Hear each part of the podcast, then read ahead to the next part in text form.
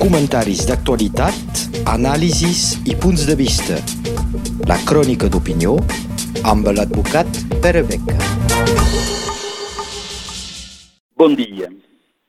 Cada dia més, l'Espanya, com altres països d'Europa, s'està tancant en un nou confinament.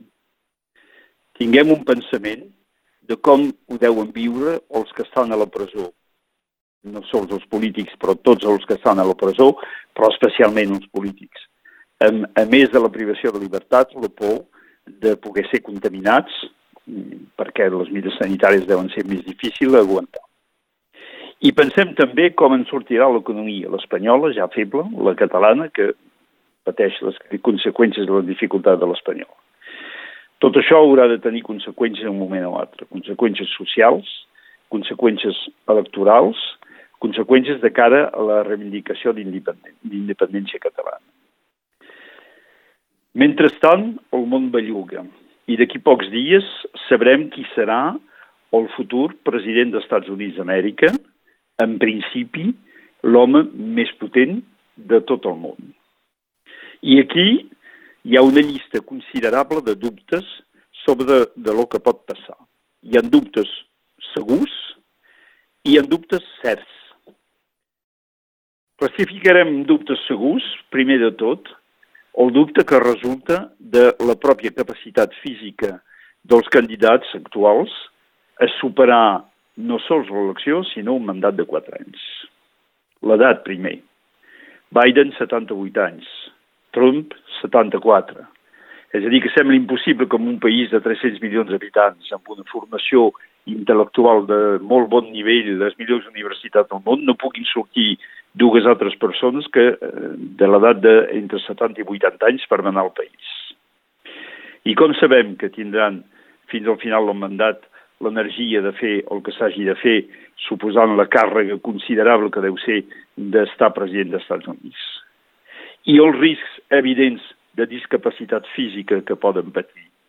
Perquè el senyor Trump va passar el Covid i ara es belluga com si no res, sembla hasta increïble que haver tingut aquesta malaltia pugui estar també en aquests moments, a menys, com diuen alguns, que això hagi sigut una maniobra publicitària per explicar que Trump triomfava de tot, inclús del Covid.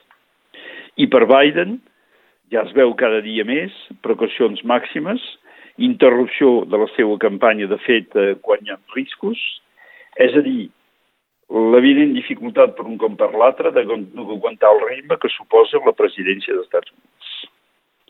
L'altre dubte resideix en el sistema electoral. Ja se sap que la vegada anterior Trump va guanyar encara que hagués fet 3 minuts de vots menys que la senyora Clinton.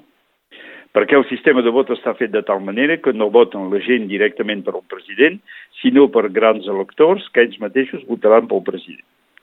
Aquest sistema a dos graus, que és un sistema destinat a evitar una certa demagogia, però es veu de quina manera això es concretitza, aquest sistema està, va lligat amb els càrrecs electorals personals d'aquests grans electors també.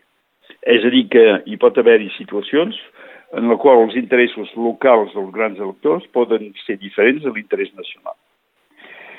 D'altra part, el nombre de representants que puguin tenir possibilitat de votar no correspon exactament, perquè no s'ha mai modificat, a la població real dels estats. L'última part no té en compte les profundes mutacions de l'electorat dels Estats Units amb l'integració d'una bona part d'immigració, els latinoamericans a la part del sud, però també els moviments interns a dintre del país, moviments interns de jubilats que se'n van a viure cap a la Florida, cap al sud, moviments interns hagut a gent que per perill del Covid volen anar a viure fora de les ciutats, tots aquests moviments que són susceptibles de provocar uns canvis de milers o centenars de milers de vots en bon lloc, però amb conseqüències molt més importants a nivell del nombre de delegats. És a dir, que encara que els sondejos estiguin a favor de Biden clarament, però es va reduint una mica, res no és menys segur.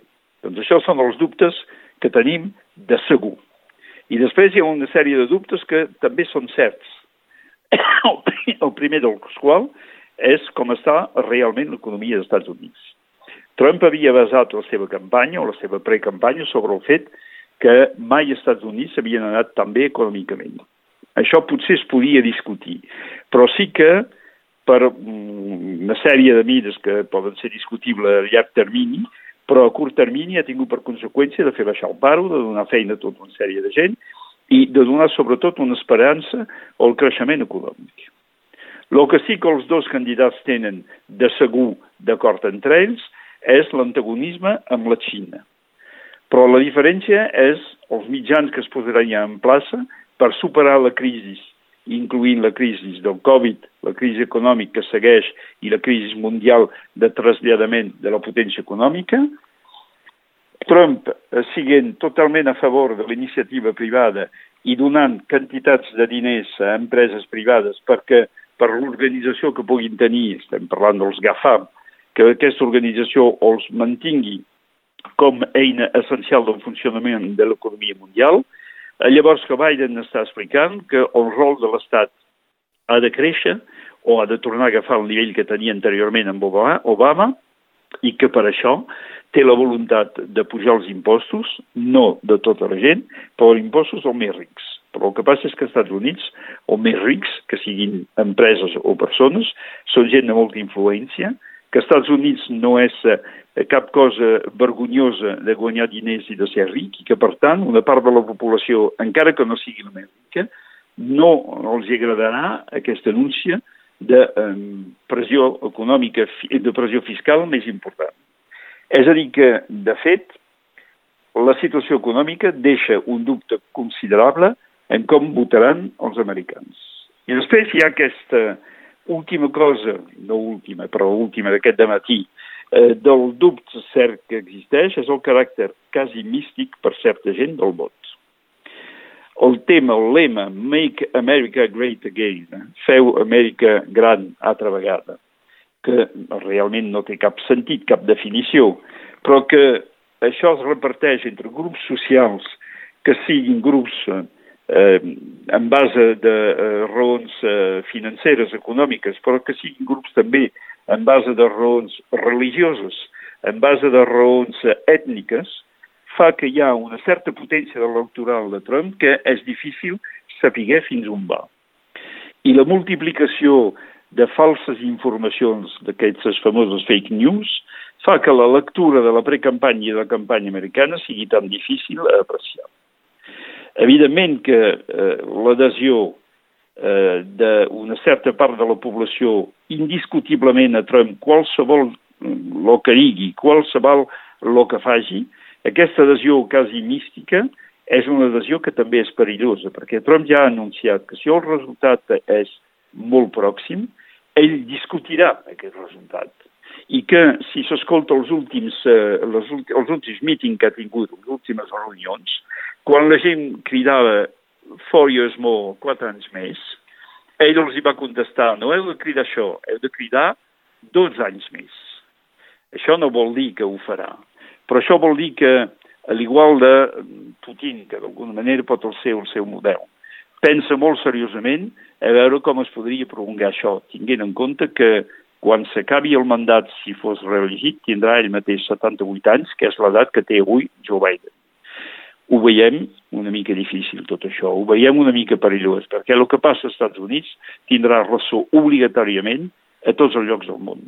És un perill per la democràcia i és una manera de considerar la democràcia que si fóssim alguns altres estats, per exemple, a l'Àfrica, tothom diria que aquesta gent són massa mal educats per poder votar. Moltes gràcies. Comentaris d'actualitat, anàlisis i punts de vista. La crònica d'opinió amb l'advocat Pere Beca.